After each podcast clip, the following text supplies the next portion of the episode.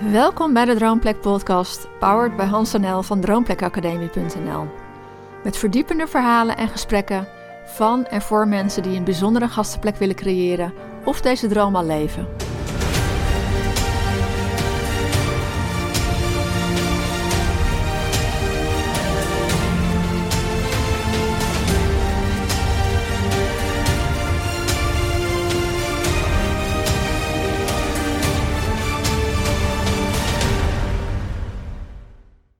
In 2012 schrijven we ons boek Het geheim van de berghut over de eerste jaren van ons vertrekavontuur. Dit boek hebben we in delen voor je ingesproken, zodat je er overal naar kunt luisteren.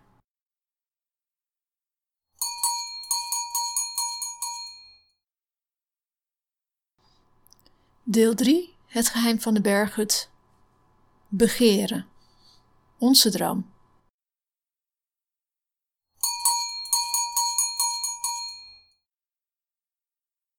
Nieuw perspectief. Kinderen werpen een ander licht op onze berghutdroom. Als we de droom bedenken, komen daar geen poepluiers en gebroken nachten in voor. Na de komst van onze oudste zoon Ibon is mijn grootste vraag: hoe gaan we een pension runnen in combinatie met gebroken nachten?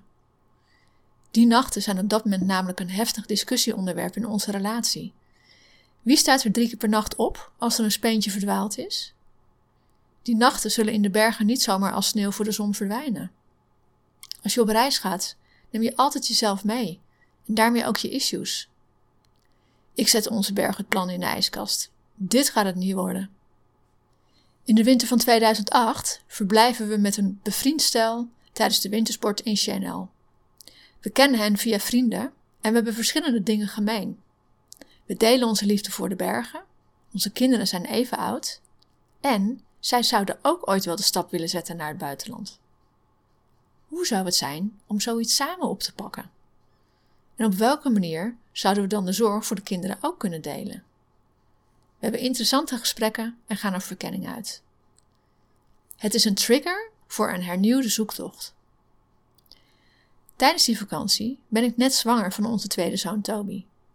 En na de vakantie blijkt dat onze vrienden ook weer een kindje verwachten. Ik zie weer kansen. Wat zou het gaaf zijn om dit plan gezamenlijk uit te voeren en te kijken hoe we ieders passie en kwaliteiten kunnen inzetten. Soms heb je een nieuwe invalshoek nodig om je droom weer te voelen.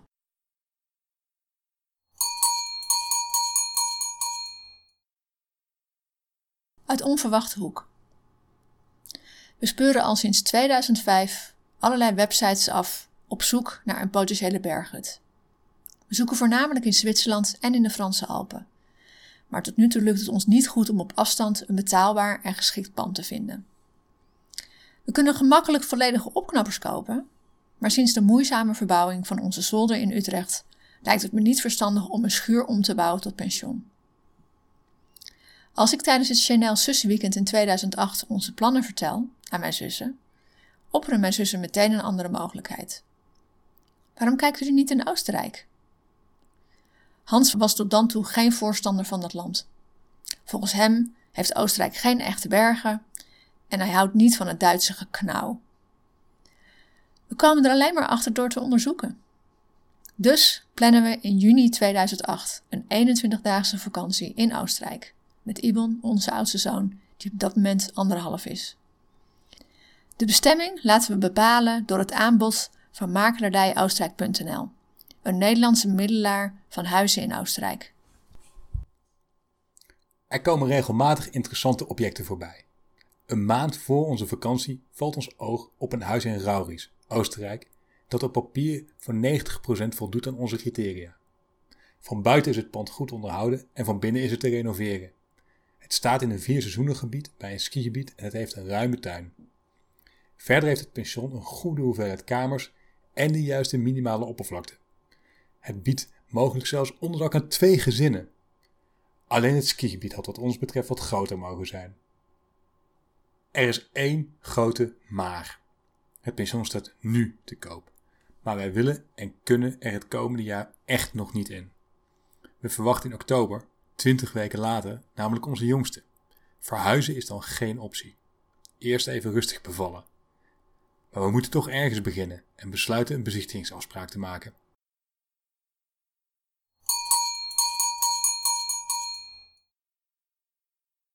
Het moment. Juni 2008. Een van onze vakantiebestemmingen wordt het Rauwezerdal. We staan met onze geleende caravan op een camping die hemelsbreed 500 meter van het huis ligt dat we gaan bezichtigen. Voor de bezichtiging van het pension doen we wat onderzoek in het dal. Al rijdend komen we langs een huis met een Nederlandse vlag. Het jaar 2008 is namelijk een EK voetbaljaar. Nel belt aan en vraagt aan de Nederlandse bewoners hoe het hen hier bevalt. We worden gastvrij ontvangen door een stel dat er inmiddels drie jaar woont. Ze moeten hard werken om, om hun geld te verdienen, maar ze zouden niet meer terug willen. Toegeven, het was best spannend om zomaar aan te bellen. Maar als je iets wilt, moet je er moeite voor doen. Een paar dagen later gaan we het pension bezichtigen. Overigens is dit het eerste pension dat we zien sinds de eerste ideeën in oktober 2004. We verzekeren de verkopende makelaar dat we ons puur aan het oriënteren zijn. We kunnen er echt niet meteen in.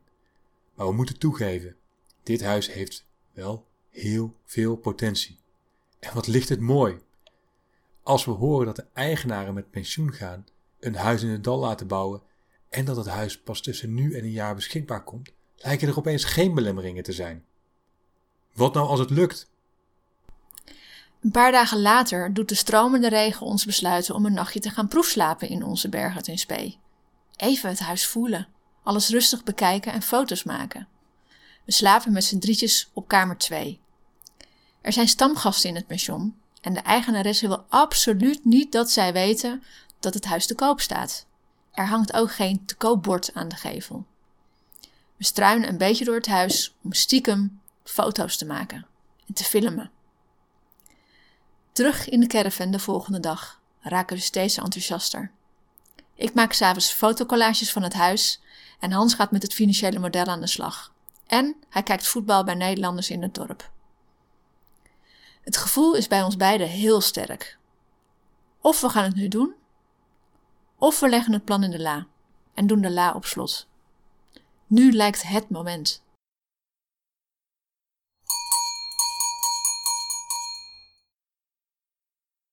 Doorpakken. Tijdens al onze bergvakanties vanaf oktober 2004 stromen de ideeën rijkelijk. We denken vrij, voelen ons vrij en komen los van het alledaagse bestaan. Het alledaagse bestaan met zijn beperkingen, maar ook met zijn voordelen.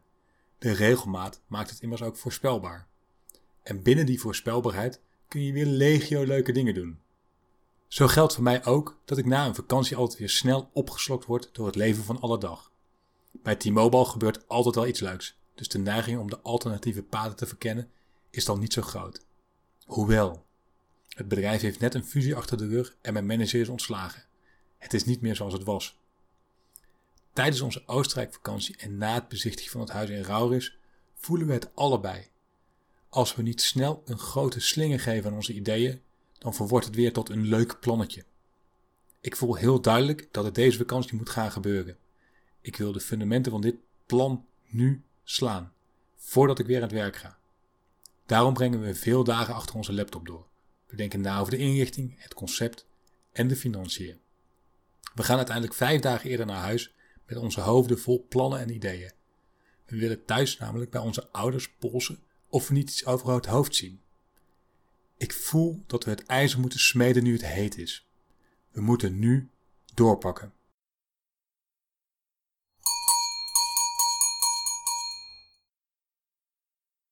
Als het voor je bestemd is. We willen onze plannen laten bezinken en de tijd nemen om dingen uit te werken. Naast het bezoeken van onze ouders stellen we ook een aantal vragen aan onze Oostenrijkse makelaar. We zeggen niet met zoveel woorden dat we het huis willen, maar we laten in ieder geval van ons horen. We gaan ervoor. Vanuit Oostenrijk hebben we al contact gehad met onze bergvrienden, met wie we misschien wel samen dit avontuur willen aangaan. Hoe zouden zij het pension vinden? Een aantal dagen na onze terugkomst komen ze langs. Wat zullen ze doen? Ja of nee? We hadden onszelf al de vraag gesteld wat we zouden doen als zij nee zouden zeggen. Gaan wij dan nog wel? Ja, besluiten we. We zijn inmiddels enthousiast, heel enthousiast. Ze zeggen inderdaad nee. Dit werd voor hen wel erg snel concreet. Het ging ze te snel. En als ze het zelf voor het kiezen zouden hebben, zouden ze een plek met meer water in de buurt willen.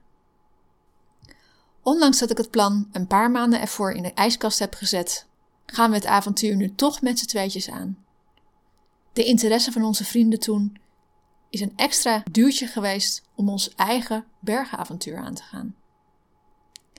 In de dagen die volgen laten we de Oostenrijkse makelaar weten dat we langs willen komen voor een bouwkundig onderzoek.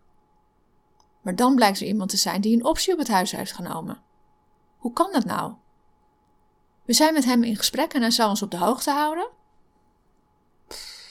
oei, dit doet even pijn. De boodschap doet ons beseffen dat we het huis echt willen. En nu moeten we vijf lange dagen wachten tot we weten of de optie doorgaat.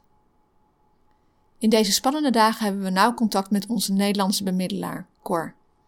De optie is voor hem ook een verrassing. Op een van de dagen geef ik een workshop van de passiepraktijk. In de pauze hebben Cor en ik telefonisch een hotline. Kunnen we niet gewoon de vraagprijs bieden, vraag ik hem. We maken dan misschien nog kans. We willen dat pensioen gewoon.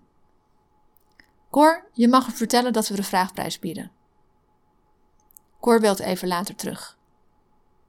De andere partij ziet er vanaf, zegt hij. Het is van jullie. Hm?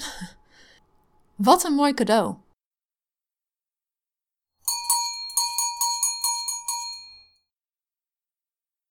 Toeval. Alles komt in een stroomversnelling en voor mij breekt het lange heen en weer rijden tussen Nederland, Oostenrijk en Zwitserland aan. Via telefoon en mail kan ik gemakkelijk contact onderhouden, maar uiteindelijk moet ik ter plekke zijn om zaken echt te kunnen regelen. Lange autoritten worden voor Nel steeds minder comfortabel met haar almaar dikker wordende buik. Zij blijft bij de kinderen. Ik ga eind juli met mijn zwager naar Oostenrijk voor een bouwkundige keuring en de onderhandelingen. Ik vraag me af of Cor aan de Oostenrijkse makelaar al heeft verteld dat we de vraagprijs zouden willen bieden. Dat aanbod was een poging om het huis te krijgen toen er nog een optie van een ander op stond. Nu de andere partij van de, van de koop heeft afgezien, willen we graag open de onderhandelingen ingaan om toch de beste prijs te krijgen. We vragen het kort niet. We gaan er gewoon open in. Mijn zwager heeft verstand van bouw en is een rasonderhandelaar. Hij kan het hoofd koel houden. Dat is erg prettig als het gaat om iets spannends als het kopen van een huis en bedrijf in het buitenland. Het is prettig en effectief om de onderhandelingen met z'n tweeën te voeren. En de deal wordt naar wens gesloten. Nu moeten we nog wel ons huis in Utrecht en ons vakantiehuis in Zwitserland verkopen.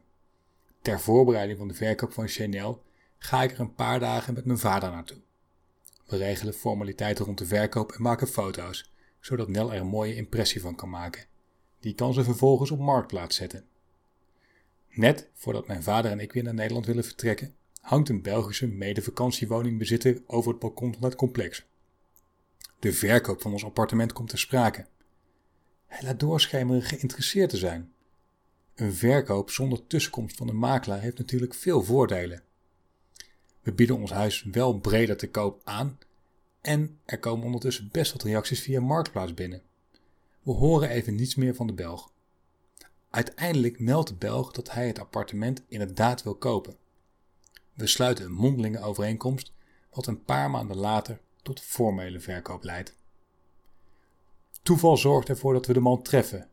Maar wat we met dit toeval doen, hebben we zelf in de hand.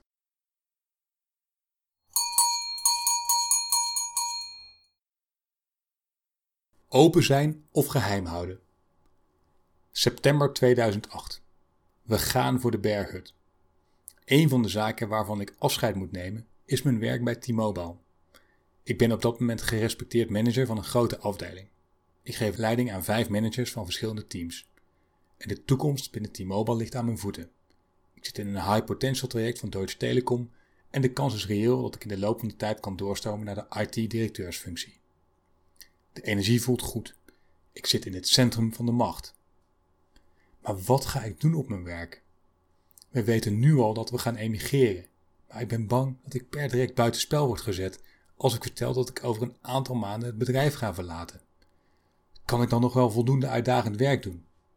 Zal ik open zijn over mijn vertrek of voorlopig mijn mond houden?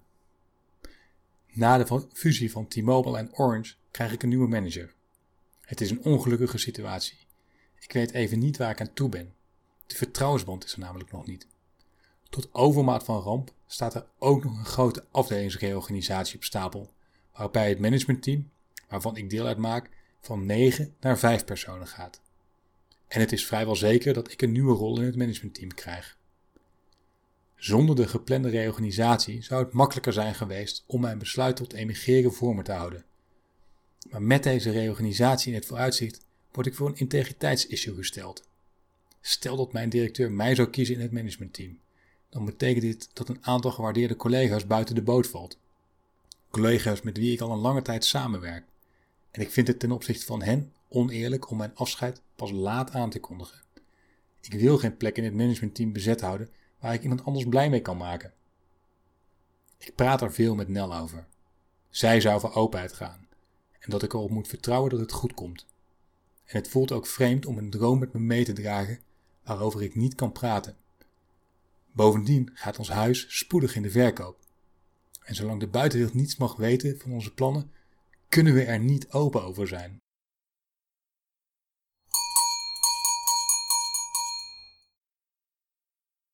Wat je geeft, krijg je terug.